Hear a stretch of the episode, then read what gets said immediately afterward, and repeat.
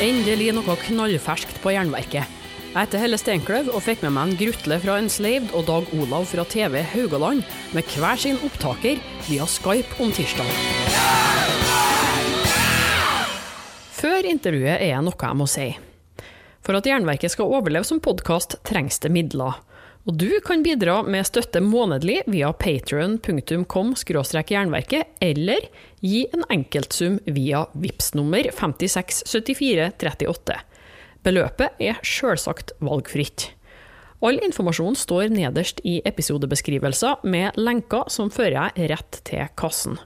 Tusen takk for alle bidragene så langt. Jeg klarer ikke dette uten deg.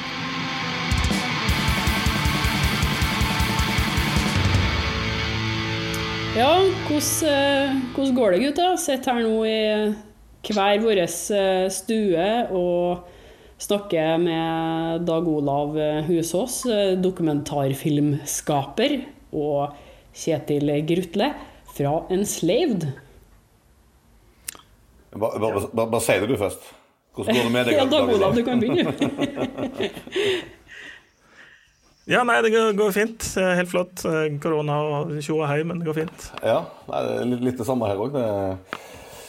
Ja, det, det, stopper jo opp eh, en god del, men, men, heldigvis ikke alt. Det er nok, nok, nok av ting å gjøre, så det, det rusler og går. Ja. ja. Veldig old school. Det rusler og går! Ja. Ja, man blir jo litt sånn egen boble av det der. Gå rundt i sitt eget hjem og prøve å få tida til å gå.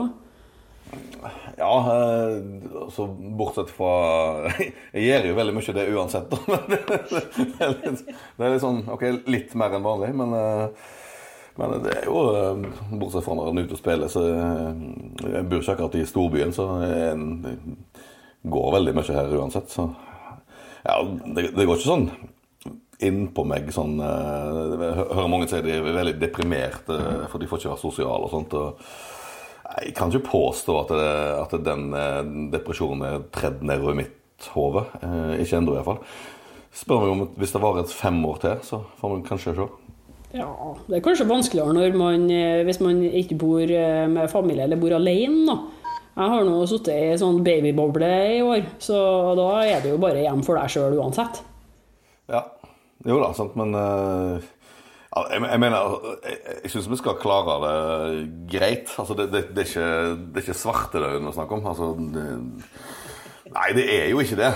Dette skal vi, dette skal vi, såpass uh, skal vi klare. Så ja. Jeg tror nok det går bra. Nå, nå snakker de om eh, vaksine i løpet av våren, sikkert. da.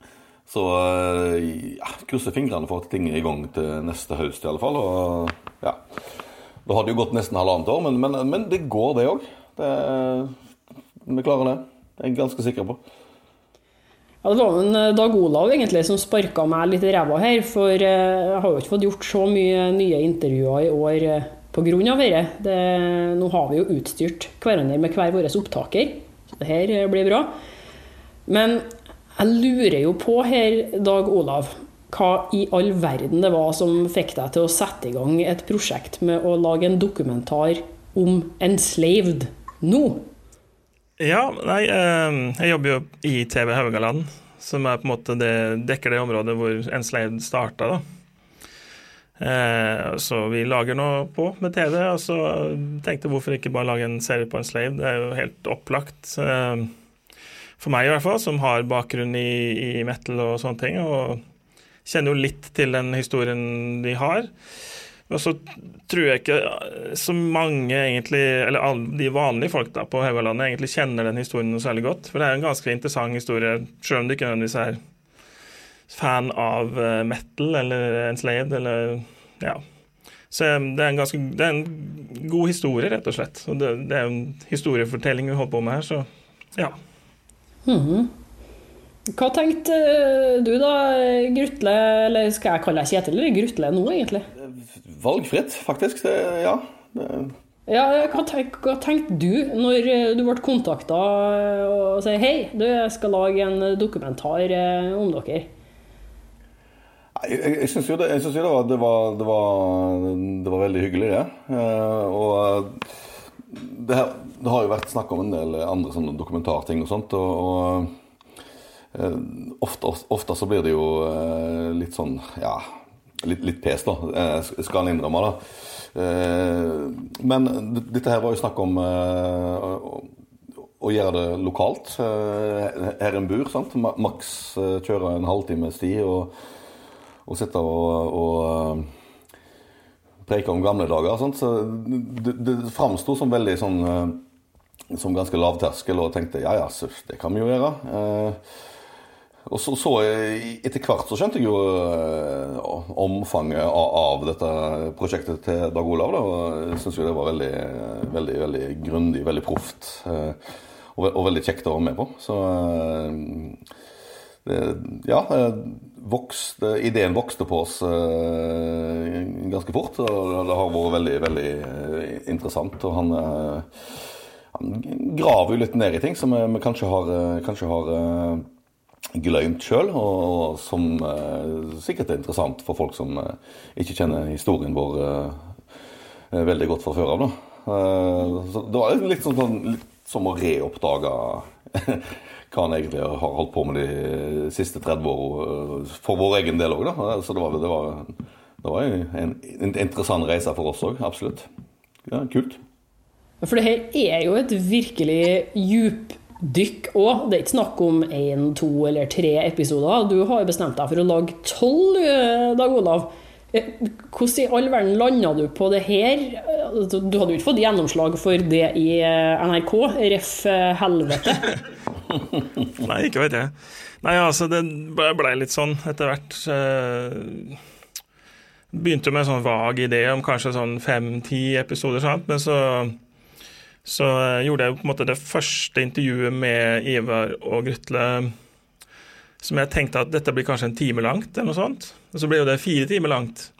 Og alt var jo bra, liksom. Alt det var jo knallmateriale hele veien. Så det Ja, litt sånn kompromissløst så bare tenkte jeg at det får bare bli så langt det blir, og så bygde det bare ut derfra. Så vi går jo egentlig ganske i dybden, vil jeg si. Ehm, den første episoden er jo på en måte en litt sånn presentasjon av bandet, kan du si. Og så jeg fra nummer to, så begynner vi litt fra hele historien fra starten, da. Og vi kommer jo ikke inn på Enslaved før sånn type episode sju, eller noe sånt.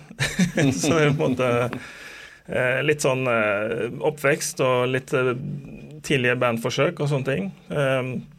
Så de hadde, de hadde jo en forløper til en slave som het Phobia.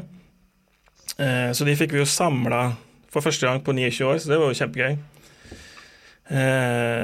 og ganske artig det med FOB, egentlig, for der er det liksom kommet så mye ut av. For det har liksom Kjetil og Grutle som gikk til Enslaved. Så var det Hein Frode som spilte trommer der, som gikk og lagde Theater Tragedy i Stavanger i etterkant. Eh, og så var det han gitaristen Kai Abrahamsen som plutselig begynte å spille trans-musikk. Så han har jo liksom vært på VG-lista og spilt eh, sånn, ja. Så det var bare fascinerende hva som egentlig har kommet ut av det der bandet. Ja, så det er litt av hvert. Det er egentlig ganske mye forskjellig. Og som Snorre som kunne ha spilt fotball etterpå. og så en som droppa av musikken, ja. Jeg har spilt i han, og that's it, så det var litt kult. Men hvordan var det for deg, Kjetil, å se igjen alle Fobia-folkene etter 29 år? Og hvorfor tok det så lang tid før dere treftes, hele gjengen igjen? Ja, altså Jeg har jo sett eh, noen av dem. Jeg, jeg, har jo fremdeles, eh, og egentlig hatt i alle fall litt, da, kontakt med, med Hein Frode. Eh, Eh, opp gjennom. Ikke sånn kjempegod kontakt, men, men, men, men, litt i alle fall. Og, og sammen med, med bassisten Snorre. Uh, ikke Ivar. Jo. Uh, men, Kai hadde jeg jo ikke sett på, på, på, på 29 år, så det var, det var, ganske morsomt. da.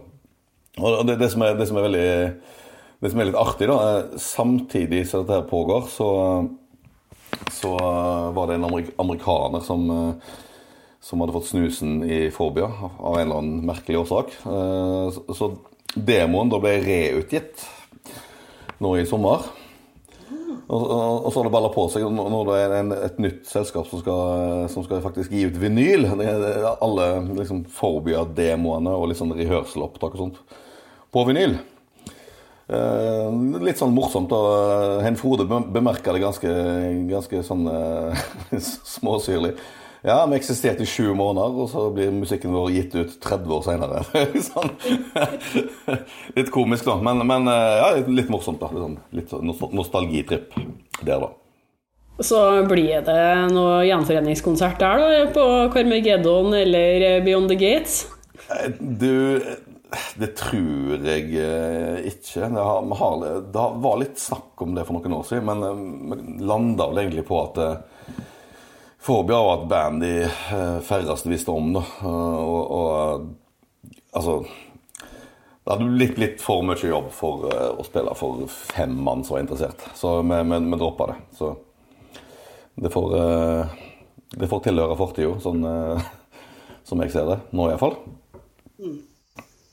Det ironiske er jo at uh, faktisk uh, nesten mer materiale har jeg på, eller fått på Fobia enn på en, på en slave. Så det var jo vanvittig. Det var jo uh, Bergenskonsert og, og Hvor du spilte den i Førde? Samfunnshuset? Ja, vi spilte vel to. Vi, vi spilte på vi spilte på Førde samfunnshus på sånn talentiade. og så var det noen, noen, jenter som gikk i niende klasse eller, eller noe sånt, som syntes vi var så flinke. Så vi som ble booka på uh, elevkvelden 14 dager etterpå. så, så det, ble, det, ble, eh, det ble tre gig i Bergen, og så ble det et par i Haugesund. Så ble det to, da, to gig i Førde i Sunnhordland. Så ja. En stor prosentandel av gigene var i Førde, merkelig nok.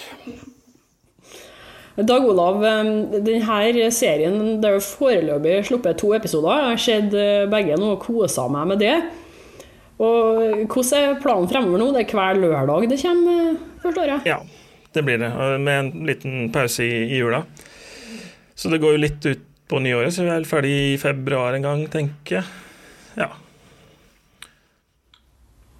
Jeg liker jo hvor nøyaktig og grundig det er gått til verks. For vi kan jo ikke unngå å snakke litt om eh, Helveteserien, som òg var fin på sin måte. Men der eh, sitter jo og ønsker at det skulle være mer, særlig siden at man kanskje ikke rakk å snakke så mye om eh, andre band enn Mayhem. Dere var jo med der òg, Kjetil.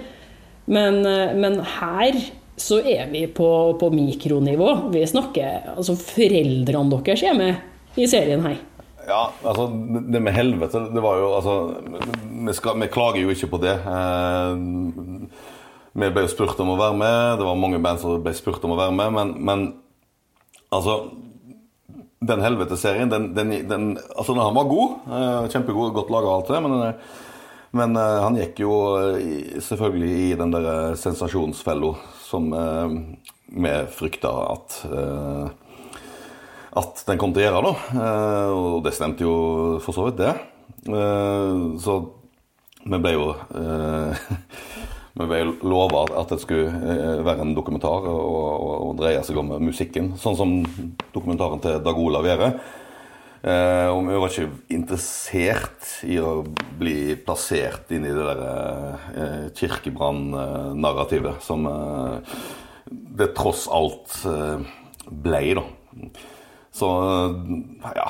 Vi hadde bange, bange anelser, og vi sa nei, og det tror, tror, jeg, eller jeg vet, det var ganske mange som uh, sa nei til. Og det, det ble en god serie. Jeg har sett den sjøl. Kjempefin, den. Men men er absolutt ikke bitter for at vi ikke ble Vi har større plass. For vi, vi ville jo ikke. Så ja, greit. Dessuten er Dag Olavsen bedre. Så det, er så. Ja, den er jo langt mer grundig, og det er det som er så kult. For du får ikke sagt så mye om så mange folk på så kort tid. Det er den enkle forklaringa. Og det gjør jo nå, eh, Dag Olav, at jeg lurer på om eh, Tar du på deg ansvaret nå for å lage dokumentarserie om flere band, eller? ja, de får flytte, flytte til Haugesund eller sånn, da, så kommer innenfor vårt eh, nedslagsfelt. Så kanskje, ja. Einherjer kanskje kan man ta, et annet sånt, ja. Men det lurte jeg litt på. Hvorfor er det Haugesund som er blitt er det pga. hele det der hvor du og Ivar treftes, Kjetil, at det ble Haugesund som ser på en Enslaved som sitt? For dere er jo hordalendinger. Ja, ja absolutt. Eh, men, men, vi kom jo fra små plasser uh, ut forbi, ikke sant. Ivar bodde i Etne i Sunnhordland, inne i fjordene. Jeg bodde i Valevåg, som ligger ja, nærmere Stord enn Haugesund, egentlig. Men, men det var jo altså Far til Ivar han, han bodde i Haugesund, senere på Karmøy. Og det var i Haugesund som, som hadde ja, I Haugesund så var det et allaktivitetshus med øvingsrom og, og konsertscene som heter Gamle Slaktehuset. Eksisterer fremdeles. Eh, så det var jo en naturlig eh, møteplass, og det, det, var, det var, enklere eh, for oss å reise dit enn for eh, meg å reise inn til Etne. Det tok meg faktisk lengre tid. Eh, og hadde ikke lappen. Så det, det, var egentlig ganske naturlig å benytte seg av det tilbudet som fantes i Haugesund. Ja, for det var nærmere enn Bergen, egentlig, for dere? Ja, Bergen, altså, Bergen var jo Altså, du måtte ta to ferjer for å kjøre til Bergen på den tida. Nå er det bare ei, så i, i dag så er det faktisk eh, eh langt nærmere. Jeg har jo flytta ned igjen til distriktet, men jeg, jeg bruker ikke mer enn to-to og en halv time opp til Bergen i dag. da. Så det var litt mer trøkk. Det er helt sånn ulogiske fylkesgrenser, egentlig. Haugalandet er jo egentlig Sunnhordland, Sør-Hordaland, og så Nord...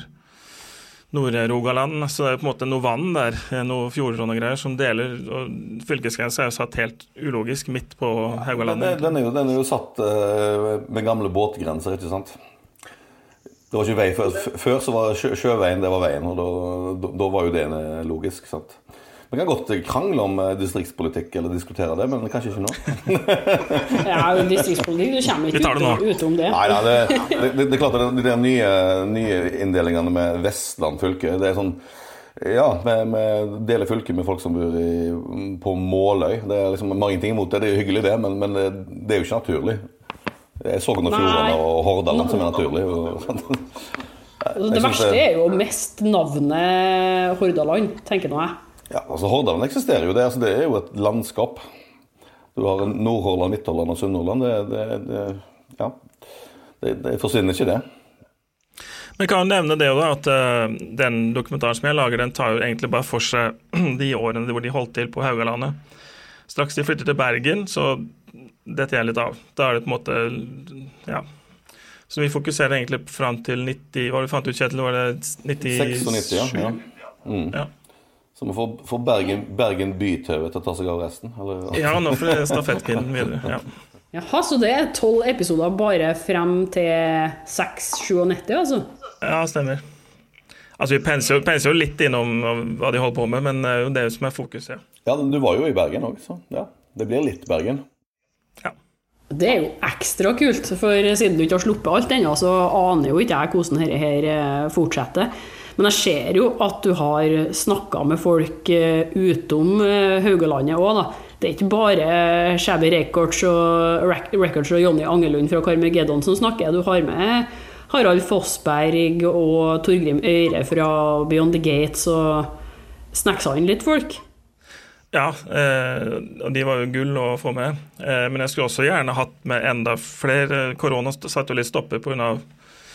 Skulle gjerne ha reist til utlandet og, og snakket med relevante folk òg. Det er jo liksom eh, masse man kunne gjort. Jeg skulle gjerne ha vært med de eh, ut på tur i utlandet også, bare for å snakke med fans og se hvordan enslaved-livet var på utaskjærs, heter. Ja. Så, men eh, sånne ting er jo på en måte Ja, det stopper seg litt sjøl, så man finne andre løsninger, da, kan du si. Hvordan var det forresten for foreldrene deres å være med på dette? Jeg ser jo at har vært, de har vært veldig støttende med dere opp gjennom eh, hele oppveksten, uansett hva dere hadde lyst til å finne på av musikalske krumspring. Men det er jo veldig sjelden vi ser en mor og en far stille opp i en uh, metal-dokumentar. Du, det, det, gikk egentlig ganske fint. Eh, vi hadde allerede vært med på en, på en sånn greie med den to stykker i Canada som driver og jobber med en slave-dokumentar. Eh, så de har eh, allerede blitt intervjua for noen år tilbake da, av eh, de canadierne. Og da måtte, de jo snakke engelsk. Det, det, var, ikke, det var, litt Det var ikke så lav terskel for såpass Altså folk som er såpass opp i året som foreldrene mine, da. Så, så når det kom en forespørsel om, om, å gjøre det på norsk, så var det jo sånn Ja, ja, ja, ingen problem, da. Dette har vi gjort før. Så da inviterte de Dag Olav da, på, og meg da, på kaker og kaffe, og det var en god stemning. da. Så ja da, det, det, det syns de klarte seg fint, altså. Absolutt.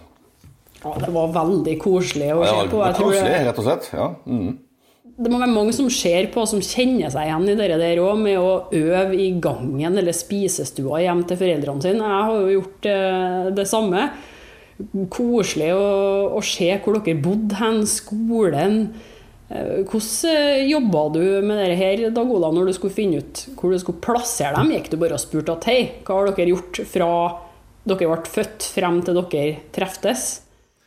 Ja, jeg måtte jo gjøre litt uh, forhåndsintervjuer, så jeg tok jo for meg alle de sentrale, håper jeg da. Så ja, lagde seg ganske kjapt et bilde. Uh, jeg tenker jo litt sånn at uh, det blir litt kjedelig hvis vi bare sitter og snakker. Så vi må ut og lage TV, så vi må vise ting i stedet for å bare snakke om dem. Altså, vi har prøvd på en måte å reise ut så langt det har latt seg gjøre. Sånn som f.eks. i, i Ølen, så spilte jo inn Hordanes Land på Lydloftet. Eh, det finnes jo ikke lenger, så da står vi bare ut forbi og peker på vinduene, liksom. Men, men, du er på en måte på plassen hvor det faktisk skjedde likevel, liksom. Så jeg føler at det, at det gir et eller annet til, til serien, annet enn at du bare sitter og snakker om det og så legger bilder oppå. Så, eh, sånn som eh, når vi, Du snakket om Slakthuset. Vi er jo på besøk der på det gamle øvingslokalet. Kjetil, du, hadde jo vært der ganske, du har jo vært der ganske nylig, men Ivar hadde ikke vært der på ja, nesten 30 år, sant? Så ja, Slakthuset var med faktisk eh, med Guardian en sånn spellemannsherpa. Så han har vært der én gang da, siden, oh, ja, okay. siden 96. Okay. Ja. ja, da, ja, så spilte vi vel en gang òg, faktisk. ja. I, tilbake i 2004 var det vel, kanskje. Mm. Men, men det, det, som, det, som, var utenfor lydloftet i Ølen, det, det, har ingen av oss vært eh, siden, siden 92. Så det, det, var helt merkelig. Eh, jeg, jeg, visste jo ikke engang Jeg, jeg visste det var i Ølen, eh, men eh, det var, helt, det, var helt, løy å stå der og se inn eh. Nå var det vel et eller annet sånt, var noe sånne, noen sånne legearbeidere som bodde der, eller et eller annet sånt? Okay? Jeg prøvde å komme oss inn der, men det var liksom helt uaktuelt. Ja, det var sånne innlosjerte polske håndverkere eller et eller annet sånt. så det, ja, det, var helt Men jeg husker igjen bygningen når jeg kom ned. Jeg husker den gamle Fiat 127-en til mutter'n sto liksom parkert der. og ja, uh, Det var litt kult med hele, med hele serien, denne serien om at liksom kjørte rundt og, og kikka på gamle locations på Karmøy og Ølen etne. Da var det en del sånn det strømma litt på, da. Eh, det som jeg sa tidligere, at vi har jo Dag Olav har jo fått oss til å grave ned i en del ting som har egentlig nesten glemt helt ut. Så det var jæklig, jæklig kult, altså. Jæklig, ja, litt sånn sterkt å se disse, disse plassene igjen. Eh, Iallfall sammen med Ivar. da. Det er veldig lenge siden meg og han har vært vært sammen på, på de områdene. i hvert fall. Kom det frem noen minner underveis som du rett og slett hadde glemt, som bare kom tilbake til deg når du så plassene der? Ja, det var det jo eh, så klart, da. Eh, spesielt da på, på Karmøy, på, på innspillinga av, av, eh, det som spilte inn demoen, Yggdrasil-demoen i, i 92. Og også senere på lydloftet i, i Etne. da. Masse sånne små, små detaljer som kanskje ikke er så veldig interessante, da. Men ja. Men vi kom jo på at vi åt ekstremt masse pølser når vi var på når vi spilte inn demoen. så vi måtte jo ha en liten da capo på det, selvfølgelig. Så vi satt og spiste pølser når vi var der nå i sommer òg, da. Det, ja. Vi, alle, alle, alle, som satt rundt det bordet, kunne konstatere at det var en del pølser siden, siden vi satt der òg. Litt sånn, da. Sånn, sånn som følger med. Eh, fant du Dag Olav ut noe om en slave som du ikke visste fra før, eller som eh, var spesielt overraskende? Ja, masse. Eh, jeg hadde bare sånn overfladisk cirka idé om hva de hadde holdt på med. Så det var masse, masse å grave seg ned i sånn sett. Jeg syns jeg finner ganske mye interessant, egentlig. Jeg har ikke lyst til å blåse altfor mye før for, for serien. Men det er klart Når de forteller om den første USA- og Mexico-turen det er jo helt fantastisk. Så mye spinnville historier om hva de opplevde på den, på den turen der. Så det, ja, det er jo nest siste episoden, kommer jo det, da. Men det er helt, helt fantastisk. Det tror jeg nesten eh, vi er nødt til å forskuttere litt, og du må dele en av de historiene eh, med lytterne også. For vi, vi, vi, vi kan ikke bare reklamere for serien her. Vi må få litt eget stoff òg. Har du noe du kan ta fra den første Sør-Amerika-turen deres, eh, Kjetil? Ja, den første Sør-Amerika-turen den kom jo litt senere, men uh, Mexico uh, Ja, det er Mellom-Amerika, eller Nord-Amerika, faktisk. Latin-Amerika, kanskje. Ja, mm -hmm. det helt korrekt, det. Nei, det var jo uh, Egentlig så hadde vi Det var sånn, det selvfølgelig rotet opplegg, da. og vi var jo på sånn van-turné i, i, i USA. Og ja, det var vel det, det, var ikke noe bedre, det, egentlig. Sånn det var sånne biler som brøt sammen hele veien, og skikkelig sånn lavbudsjett. ikke sant? Og så var vi i Vi hadde spilt i Dallas, det var den siste jobben i USA. Og så hadde vi Jeg tror vi hadde flybilletter hjem sånn der, nesten 14 dager senere. Vi skulle bare henge i Dallas med å være med kompiser og, og sånt. Og så, og så kom det en, en meksikaner, da Eh, etter siste eh, spillejobben der og bare Ja, skal, du har ikke lyst til å reise på en Mexico-turné, da? Og her? Ja vel. Ja, hva tid da? Nei, i morgen, liksom. Jeg har booka masse jobber. Og bare, OK, ja, du har det, ja. ja men så hyggelig, da. Så, så da begynte vi dagen etterpå. Da kjørte vi til El Paso, eh, og det er jo en grenseby. Bydelen på andre sida av, av, av elven heter Juárez. Uh, en av, uh, det var kanskje ikke det da, men en av verdens mest kriminelle byer i dag. Da. Og ja, husker jeg, det, var, det var sånn uh, Vi spurte om de hadde backstage. Nei, de hadde egentlig ikke det, men kunne, de kunne ordne en backstage. Da, da, da, da uh, geleida de oss inn på dametoalettet, så heiv de ut alle damene som var der. Vær så god, her er backstage. Det var, det var litt sånn hele veien på, på den turneen. Det var veldig veldig eh, alternativt organisert. Eh, mellom et par spillesteder så tok vi til og med sånn vanlig rutebuss. med, med sånn meksikansk underholdning på, på sånn TV og sånt. Og, ja, ble, så ble vi stoppa av politiet hele veien. og vi gikk etter hvert tom for dollar, så man måtte, måtte betale dem med den merchandisen vi hadde igjen. sånn så det røyk en del sånn Frost-CD-er og Frost-T-skjorter og sånt da, til meksikanske politifolk. De var veldig fornøyd med det, selvfølgelig. Så det, ja, det, det, var, det, var, egentlig ganske Det skjedde noe hele tida. Eh, men jeg, jeg, tror ikke jeg ville gjort det igjen nå, altså. Er ikke tale om det. Nei, det var ganske Ganske sinnssykt. Men eh, det kommer da altså på i de neste episodene. Det får ikke brenne opp all kruttet nå.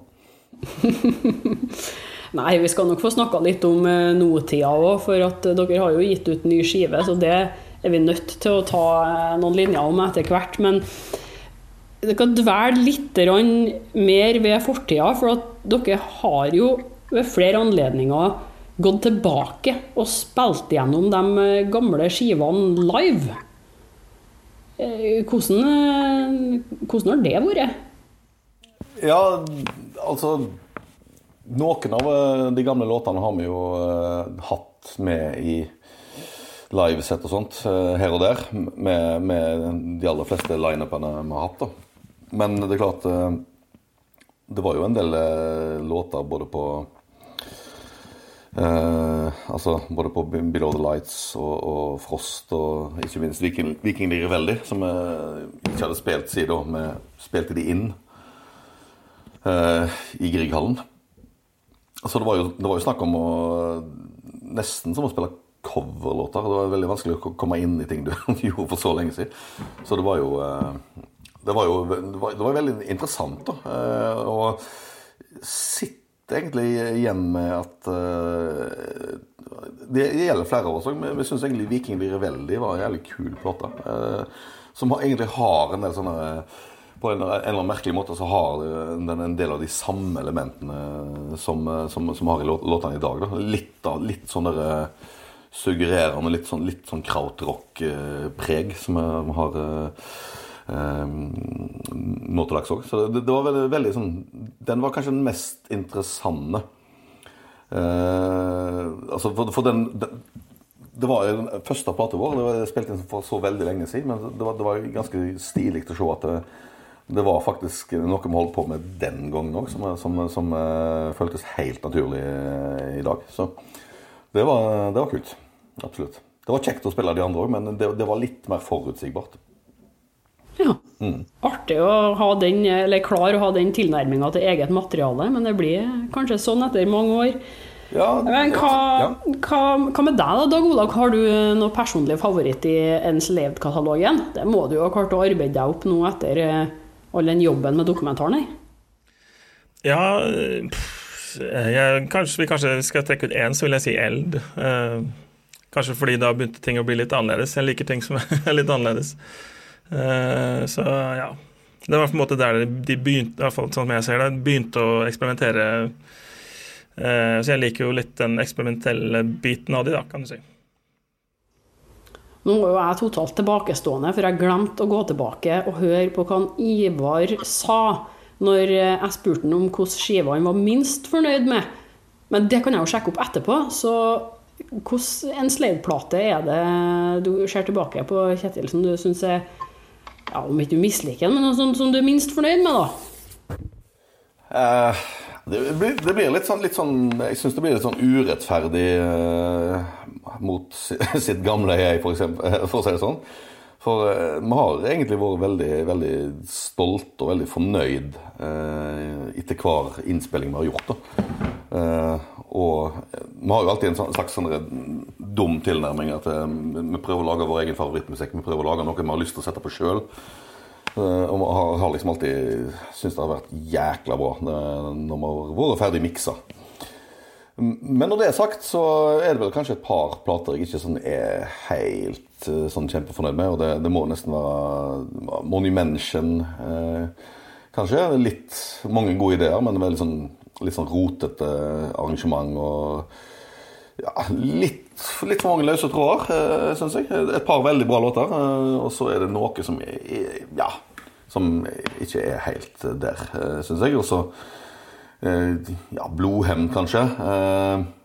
Kule låter. Vi skulle for all del spille de jævla fort. Og så var det litt sånn spinkel lyd og sånt. Så den òg eh, syns jeg kanskje kunne ha vært bedre. Men, men, men igjen, eh, vi var veldig fornøyd med den eh, da, så ja. Men det må nesten bli de to, uansett. Lurer på om det var blodhevn Ivar sa òg, altså. Ja det, ja, det kan godt stemme, det, altså. Ja. Mm. Vi i Rema 1000 kutter igjen prisene. Nå på en mengde påskefavoritter. F.eks. kutter vi minst 25% på gourmetstykket fra Hatting, 150 gram bacon fra Nordfjord, rett i koppensuppe fra Toro og andre påskefavoritter. Alt dette og enda flere priskutt på minst 25% For det er sluttsummen på påskehandelen som teller. Og husk at vi fortsatt har fryst prisen på over 1000 varer.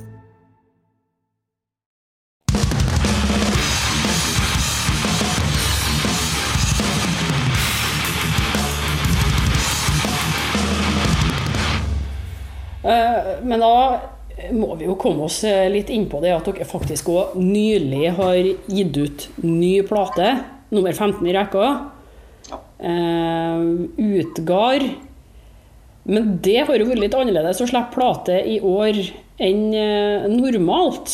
For den kom jo i oktober 2020. Mm. Skulle kommet i mai. Var ferdig å mikse den rett før jul i fjor.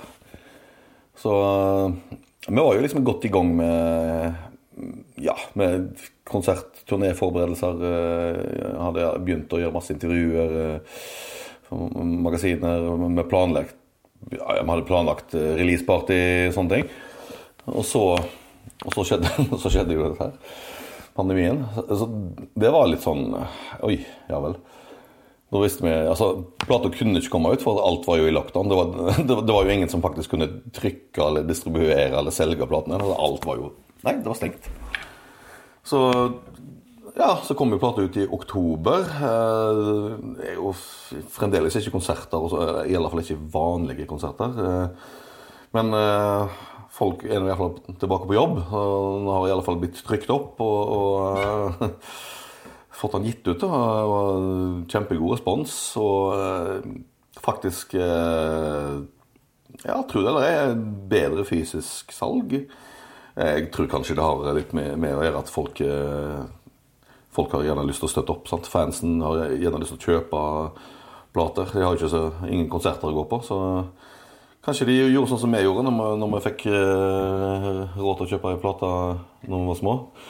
Kjøpte plata, låste oss inn på rommet og ble der i 14 dager og hørte i hele platene. så på cover, så på tekster og sånt. Så, så det, den biten der syns jeg var jo den var litt kul. Eh, veldig, sto- veldig sånn eh, stor eh, etterspørsel på lokale platesjapper. De som er igjen nå. Og, og, så det, det har vært eh, Det har vært bra. Eh, har tatt i betraktning eh, den tidene vi lever i, så har var det vært veldig, veldig positivt eh, med plateutgivelse. Absolutt.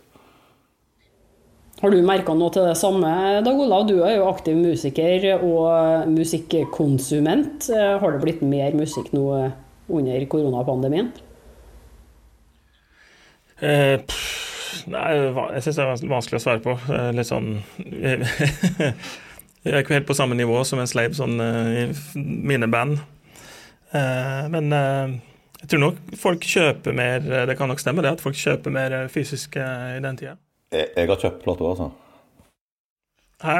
Jeg har kjøpt plater. Ja. Ja. Kjetil har kjøpt den, så da er vi, da er vi i boks. Ring von Møbius Ja, ja, ja. Ja. kommer på Jernverker-episode nær deg eh, etter hvert. Så det, det blir det. Eh, Men kan du fortelle litt eh, om den eh, plata, Kjetil? Hva, hvordan jobba dere med den? Jeg har jo lest litt sånn allerede mytiske tekster om hvordan det hele omtrent åpenbart seg for Ivar og høstmørket og Det her må jo nesten gå litt dypere inn i. Ja, jeg husker vi, hadde jo Denne plata her, den Altså vanligvis så pleier jo tekst og, og konsept og sånn Det pleier jo å på en måte å bli uh, skje samtidig, da. Uh, på utkast så begynte eller, Altså tekstuniverset, konseptet, begynte ganske Ganske lenge før med musikken eh, for første gang. Det var jo litt interessant. Det begynte vel i, ja, i høsten 2018. Da begynte vi å snakke om, snakke om eh, ja, tittel, ideer, eh, ja, tekstuniverset, da. Eh, og så kom jo de første demoene, låtene, først flere måneder i- i- etterpå. Og da, var det veldig Da var det ganske lett og sånn sømløst å, å, å være tilpassa til, liksom idématerialet til, til, til låtene. da. Og eh, jeg husker at når vi snakket om coveret, da, satt jeg Jeg, satt ute i skauen og fiska. Fisketur, faktisk. Det var, eh, jeg tror det var i april eller mai eh, 2019. Og da eh, Ja, Ivar satt i Bergen en eller annen plass og hadde seg noen glass. Jeg satt i skauen og drakk meg full. Fisken beit jo ikke, så jeg hadde jo tid til det. Og da begynte vi å Den kvelden der så liksom utbroderte vi med alle ideer til, til coverarten, til konseptet. Og eh, jeg husker jeg bare sendte Jeg sendte bare alt. Alle, alle korrespondansen. Ned til Truls Espedal, som, som, som maler, eh, maler coverene våre. Jeg sendte, altså, jeg sendte han alle bruddstykkene og alle, alle bildene alle referansene. Bare i en sånn svær bolk. Og så bare sånn Du, se hva du får ut av dette her. Og han, eh, jeg snakket, han ringte meg dagen etterpå, og han bare Ja, ja, det, her- det her høres jo helt supert ut. Det er jo kjempestrukturert. Jeg bare Hæ, hva feiler deg?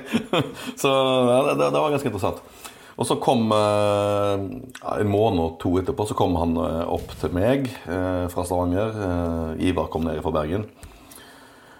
Og så hadde vi et møte hjemme hos meg. eh, og ja, lagde litt skisser og sånt. og vips, så, så var liksom hele eh, alt Det de, de, man hadde igjen å skrive av, av, av uh, tekster og sånt, det, det kom veldig, veldig av seg sjøl etter, etter, etter, vi fikk se Eller etter vi fikk liksom strukturert alle coverideene og konseptideene. Så datt alt bare helt, helt på plass. Og ja, alt var vel faktisk 100% klart når vi, når vi gikk i studio. Altså det, var, det var egentlig til å egentlig til å banke ting inn. Det var Ja, egentlig veldig, veldig eh, Jeg syns det er en behagelig måte, måte, å gjøre det på. Å ha ting eh, klart. Eh, liksom skjelettet. Istedenfor bare møtes og 'Hei, skal vi lage plate?' Det blir sjelden bra. Så ja, som er hvis du, hvis du, får liksom inn, inn grunnideene, og alt sånt, så har du jo veldig mye mer tid til å, til å koke, som vi sier, på, på, på, på ideene. Eller, ja prøve ut alternative ting òg. Og det fikk vi jo til i massevis denne gangen. Så ja, jeg var veldig, veldig, veldig fornøyd med, med, den, med den, prosessen. Det var Eneste slag i, i, magen var jo egentlig at han ikke kom ut når han skulle i mai, da. Men det var jo ut forbi vår kontroll, da. Mm. Har dere mm, Altså, jeg har jo hørt plata og syns den er veldig god. Fin og variert, eh, som en slave bruker å være. Det er ikke eh, redd for å leke dere. Og det, det, det, er bestandig artig å se hva de har eh, funnet på for noe. Er det noe som var nytt den gangen her? Jeg vet jo de har nye trommis med dere nå, f.eks. For, for Cato Bekkehold har slutta. Ja, altså, det, altså Trommisen det, det, er jo uh, i alle fall en del av, av ryggraden i, i bandet. Uh, en stor del av soundet, selvfølgelig. Uh, og Cato og, og, Iver er jo to veldig, veldig forskjellige trommiser. Cato er en kjempegod metal-trommis, ekstrem-metal-trommis. Og, og, klassisk heavy-trommis. mens Iver da har, han har han har en fot i mange, mange leirer. Han, eh, han, spiller jo eh, alt ifra ja, alt ifra barne- og revymusikk til, til ekstremmetal. Så han, eh, han har en, en, veldig sånn stor ballast. og har, det kan du høre på plata. Det er liksom litt annet, annet groove på plata. Han har litt mer sånn litt mer båndhamsk tromming, så jeg syns kler låtene veldig, veldig bra.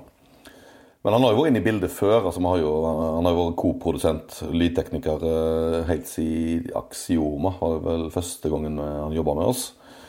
Og vært inne og ja, medprodusert og gjort litt eh, backing-vokal og litt sånne ja, effekter. Sunt og, og litt perk og, og, sånne ting. da. Så det var sånn inhouse solution, han, da. som funka veldig bra. Eh, utrolig musikalsk fyr og masse gode ideer og litt forskjellige innfallsvinkler da, eh, enn vi eh, har, ja, er vant med, da, eller enn en Cato hadde. Så det var definitivt eh, interessant, det. Eh, helt klart. Mm. Så, så det var interessant å se den ja, Hva skal du kalle det? da? Kaller man det fortsatt singellåta eller musikkvideoen til urjotenen der. Eh, der eh, har vi elektronikken eh, på plass. Ganske syrete, krautent opplegg. Ja, absolutt. Og det er jo sånn Det var veldig mange som syntes det var det hørtes veldig moderne ut, men det er litt sånn ironisk, for det, det er jo kanskje den old, best old school-låten vi noensinne har lagt. Det er, jo, det er jo egentlig en sånn der, Egentlig en sånn det er en Moog-sequencer, eh, sånn som de eh, brukte på sent 60-tall. Sånn Silver Apples og kraftverk og sånne ting. Så det, det er jo egentlig en sånn eh, kraut, eh, altså kraftverk slash Hawkwind i, i, i, med litt David Bowie eh, i en, i en, en sånn eh, ekstrem metal-drakt. Så, så det, det, var jo Det er kanskje den låten som høres mest sånn sånn eh, eksperimentell eh, ut. Men egentlig så har liksom det, det materialet, den inspirasjonen, liksom ligget og ulma hele, hele, veien. Så det, det, var ikke noe sånn kjempeunaturlig for oss, egentlig. Men jeg er veldig, veldig fornøyd med den, både låten og videoen. og Jeg syns den ble kjempe, kjempebra. tror folk har glemt at eh, den musikken der eh, i, i de stilartene eh, har funtes lenge. Men det er ikke så mye av det nå lenger, og i hvert fall ikke i metalen, kanskje.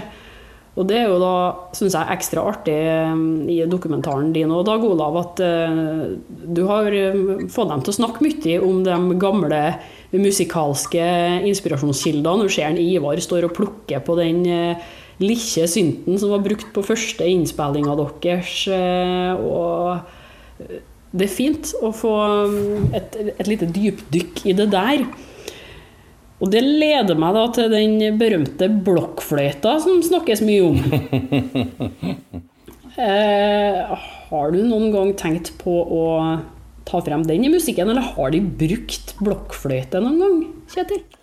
Nei. Eh, nei, det tror jeg ikke jeg, jeg, jeg, tror ikke noen av oss vet hvordan vi spiller på ei blokkfløyte lenger. Eh, Men det var jo som sagt, eh, som vi snakket om i dokumentaren, det var jo den aller første møtet med Det her var jo sånn før skolekorps og alt. Sant? Det her var liksom det aller, aller første instrumentet du fikk i nevene. Og, og det aller første en utforska musikk på. Så det er klart det er sikkert viktig eh, for flere, for flere enn oss, det. Eh, sikkert ikke så veldig mange som vil innrømme det, men jeg tenker fuck it. Sant? Eh, men eh, altså, de der plastikkblokkfløytene eh, som du får på skolene, eller fikk på skolene, jeg vet ikke om de gjør det lenger, det, det låter jo helt grusomt. altså Helt forferdelig. Men eh, ja, men jeg, jeg synes jo den, den trefløyta jeg kjøpte, den låter jo mye, mye rundere og finere. Altså. Eh, ja, jeg, jeg skal fall se om jeg finner den igjen. da. Kanskje jeg skal henge den på veggen eller et eller annet. Eh, lære meg å spille på den på nytt, kanskje. Men jeg, jeg tviler på at eh, Jeg tviler på at jeg kommer til å bruke den. Sånt. Jeg, kanskje hvis jeg starter sånn der eh, irsk eh, tin whistle, uh, Boram og kastanjettorkester når jeg blir 70. Ja, hvorfor ikke? Det kan jo leke med den musikken du vil. Jeg, jeg, jeg lurer på om det er den broren til Alex Staropoli, Rhapsody eller noe sånt. Han tror jeg er helt ram på blokkfløyte. Jeg mener, det har skjedd et sånt bilde en gang, så det går an. Ja, jeg, jeg, Har du noe forhold? Ikke soprano-flute eller noe sånt? Eh, jo, altså det finnes jo mange forskjellige. Ja, det er det, det er jo en blokkfløyte som altså, samlebetegnelse. fløyta, Du får dem i forskjellige Man Vi har brukt fløyta Tverrfløyta har vi jo brukt på to plater, faktisk. Forrige plate er, altså på Below the Lights er det jo litt tverrfløyta. Så altså, jeg er ikke, jeg er ikke fremmed for eh, noen eh, sånn såkalt additional instruments, hvis de passer og, og det funker. Så eh, skal aldri si aldri, men jeg tror ikke den tussefløyta blir med på ei plate. Altså, det, det, det kan jeg ikke se for meg. jeg kan selge den kanskje på eBay. Vi får se. Hva, hva syns du da, Dag Olav, om det her eh, leflinga med instrumenter som ikke er lov innenfor sjangeren? Nei, det er bare gøy. Så lenge det på en måte passer inn i konteksten. da. Det er noe med det òg. At eh, du kan ikke bare stappe masse instrumenter inn bare for løye. Men eh, funker det, så funker det. Så det er bare kult, det. Det er helt sant. Jeg må jo høre hva du synes om uh, nyplata til en slave da, da, Dag Olav. Vi var, vel i, vi var i studio på TV Haugland her om dagen og spurte eh, programlederen hva jeg syns om den der eh, Homeband-låta. Klarte jeg å svare tipp topp. Ja, jeg ble litt satt ut. Men eh, nei, Flatten er veldig fin. Jeg har litt sans for den der Uriotun, ja, da. Det var litt annerledes og kul vibe på den låta. Hvordan har det vært å fremhøre dette live? da? Dere rakk jo faktisk tre konserter før det kom en ny eh, stenging av samfunnet. Og Den første var vel i Trondheim, og det var den første i hele år.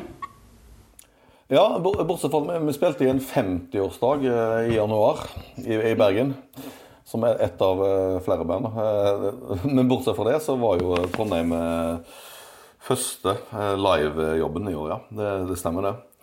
Og første gang da vi spilte eh, ja, fire nye låter fra, fra Utgard. Så det var jo eh, Vi har jo spilt dem på sånn streaming, eh, eller én sånn streaming-event, da. Men det blir jo ikke det samme. Så det var liksom ilddåpen, da. Og syns det gikk ganske bra. Det er alltid sånn at nye låter live, de, låter ikke helt som, som, som de skal før du har spilt de 20-30 ganger, da. Eh, Syns jeg, da. Men, eh, men det var jæklig kjekt å spille det live. Altså. Det, det, det, var, det, var, en god energi. og jeg syns, det, de funka veldig, veldig bra. Så ja, vi, gleder oss jo til å spille de inn, for å si det sånn. Altså, få, få de skikkelig, skikkelig inn, inn, inn, i blodet. Ja, så Du har det litt på samme måte som fansen, egentlig. Må høre låtene live noen ganger før det går an å stå og nikke gjenkjennende til deg. Få det til å sitte. Selvfølgelig. selvfølgelig. Hva syns du, Dag Olav, er du av den typen som eh, hopper høgst når du hører ei låt du egentlig aldri har hørt før eh, live, eller foretrekker du å høre det, det gamle? Sånn generelt. Nei, likevel egentlig at låta kanskje er utgitt. Uh, ofte litt sånn dårlig lyd, kanskje, sant? på en uh, vanskelig å få et godt inntrykk, uh, tenker jeg. Hvis, hvis, man spiller på en måte noe som ingen har hørt noensinne. Det spørs litt på settingen. Det kan jeg trekke frem som litt spesielt. Jeg snakka med det amerikanske gammelbandet Tyrant i sommer her. Og de hadde jo kommet tilbake og begynt å spille konserter igjen for første gangen på sikkert 30 år der òg. Og var booka til noe sånn her gjenforeningsshow. Og istedenfor å spille den ene eller to gamle platene som folk hadde lyst til å høre, så hadde de bare på to dager ombestemt seg totalt og spilt kun nye låter på hele den konserten, og ikke eneste gammel sviske. passe arrogant. Er bra humor, for så vidt. Det, det, det, skal de ha. Ja, ja. De påsto at det ble godt mottatt, men jeg er litt usikker. egentlig. Altså. Jeg tror folk mer ble, ble, ble usikre på hva de skulle reagere på. Det skal skje, Vi begynner jo, begynner jo bedre å nærme oss en uh, time her òg nå.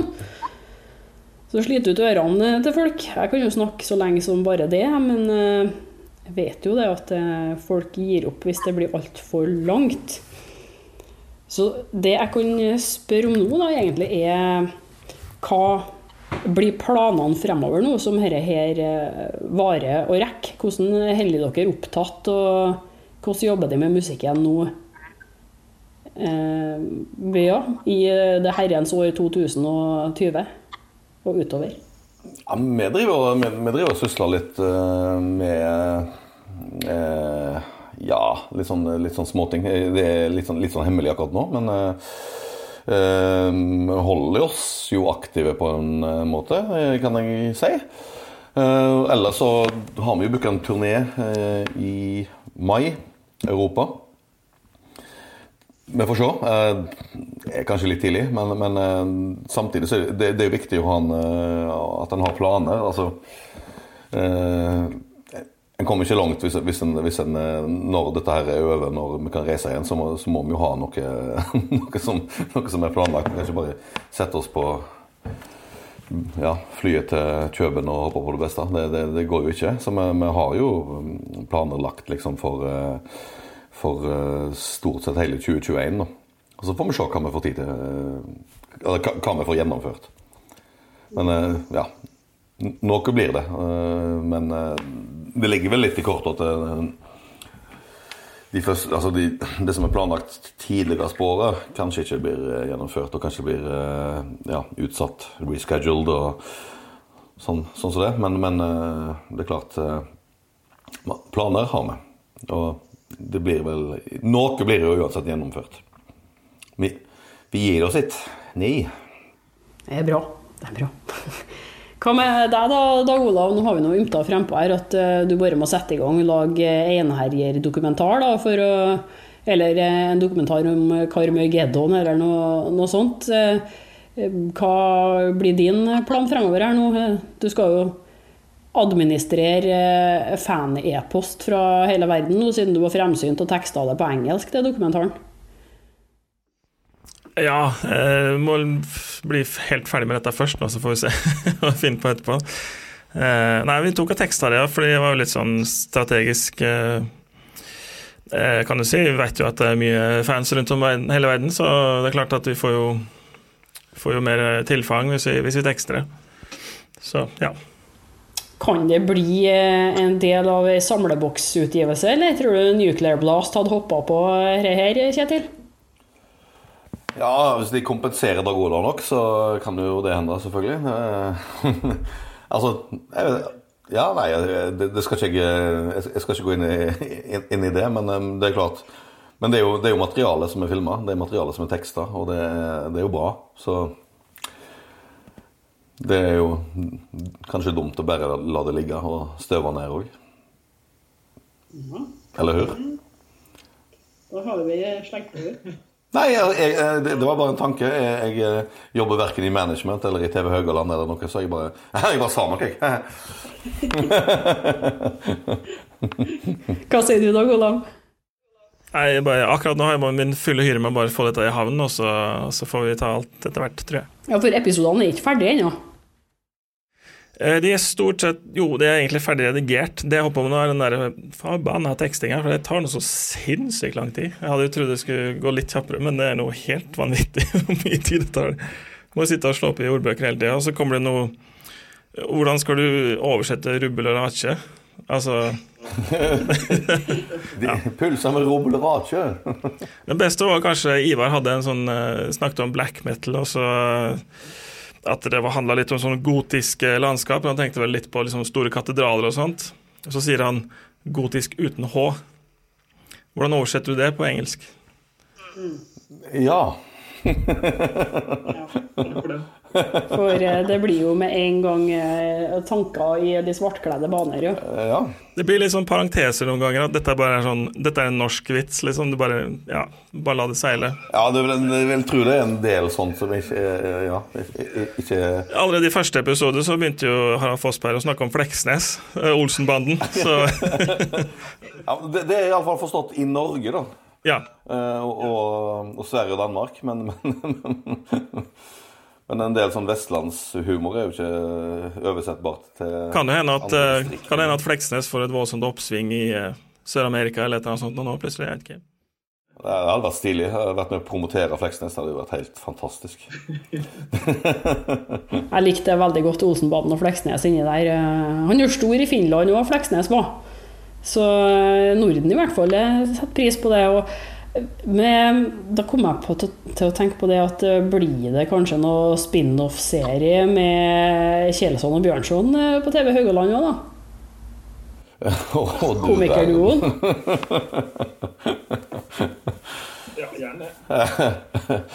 Ja, hvis, hvis, vi, hvis pandemien varer og, og rekker, så får vi vurdere. Håper ikke han varer så lenge, da, for å si det sånn. Jeg hadde kommet. Eller nei, det hadde ikke jeg kunnet gjort, for at jeg hadde ikke reist for at flyselskapene da hadde gått konkurs. Jeg hadde ikke kommet meg oppover. Nei, men da, hvis ikke dere har noe å tilføye her på slutten, så tror jeg vi i hvert fall kan avslutte intervjuet. Takk for, takk for intervjuet, for å si det sånn. Ja.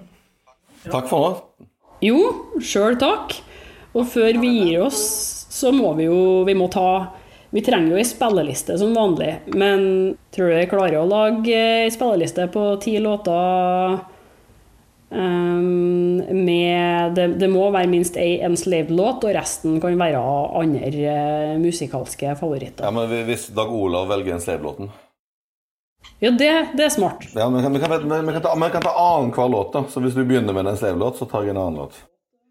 Jeg kjører på med en Urjotun, jeg, da. Ja, eh, da kan vi jo, eh, siden den er litt sånn der eh, Siden den er litt sånn krautrock, så kan vi ta en krautrock-låt som nummer to, da. Da kan vi ta Noi med Hallo Gallo. De, de begynner jo nesten likt. Skal vi kjøre litt rush, kanskje? Eh, kanskje rett og slett eh, Hemispheres-låta. Åpningslåta på den. Ja, eh, først i gang der, så kan vi jo ta en, eh, skal vi ta en King Crimson, kanskje. Eh, Starless and Bible Black. Kan kjøre, kan kjøre Genesis, uh, Watch of the Skies. Ja, vakkert. Eh, da kan vi kjøre en eh, Kan vi kjøre en trønderlåt, da, kanskje? Da kan vi kjøre Prudence. Og så Tomorrow Maybe Vanished. Fint. Den er fin. Du har glemt hva slags musikk jeg liker. Du liker heavy, gjør gjør du ikke? Jo. Heavy. Ja. Ja. Um, jeg kan kjøre, jeg kan kjøre Wobbler, eh, den Five Rooms-låta. Den nye Wobbler-skiva. Den har jeg ikke hørt. Ja, Interessant, ja. Mm. Den er veldig god. Nå kan vi kjøre litt gammel norsk uh, hardrock, da. Uh, flaks. Med, skal vi ta 'Demon In Your Heart'? Ja, det er jo bra, altså. For ei spilleliste, gutta. Kan jo ta det og sparke. Så kan, vi, være- kan, kan, kan være litt metal på slutten. Vi kan være litt sånn der, eh, Vi snakket jo om Mayhem, da. Vi snakket jo om Mayhem. Vi kan, ta den der, eh, Vi kan ta Life Eternal, da. Bare sånn for å runde av med litt metal. Ja. Ja. Du har hørt et intervju med Grutle Kjellesson fra Enslaved og Dag Olav Husås fra TV Haugaland. Likte du det, kan du f.eks. høre episoden med Ivar fra Enslaved. Neste uke har jeg planlagt en prat med en Erlend Gjelvik, som er ute med debutplata 'Welcome to Hell' med bandet Gjelvik. Så vi får håpe teknikken går i boks da òg. Om ikke gjør det ennå, så er det på tide å abonnere på Jernverket podkast, enten via podkastapp eller på jernverket.kom. Spre ordet, legg igjen full pott på karaktersida og hør på podden. Og vil du bidra med litt kronasj for at jeg skal kunne fortsette å lage podkast, kan du gi støtte via Patrion eller VIPS. Informasjonen står i episodebeskrivelser. Og husk på å følge Jernverket på Instagram og Facebook for konkurranser, diskusjoner og musikalske tips. Nå er ikke lenge til julekalenderen begynner heller, 1. desember med premier hver eneste dag. Jeg heter Helle Steinkløv og kjører på med et nytt eller gammelt hardrockintervju hver fredag. Vi høres!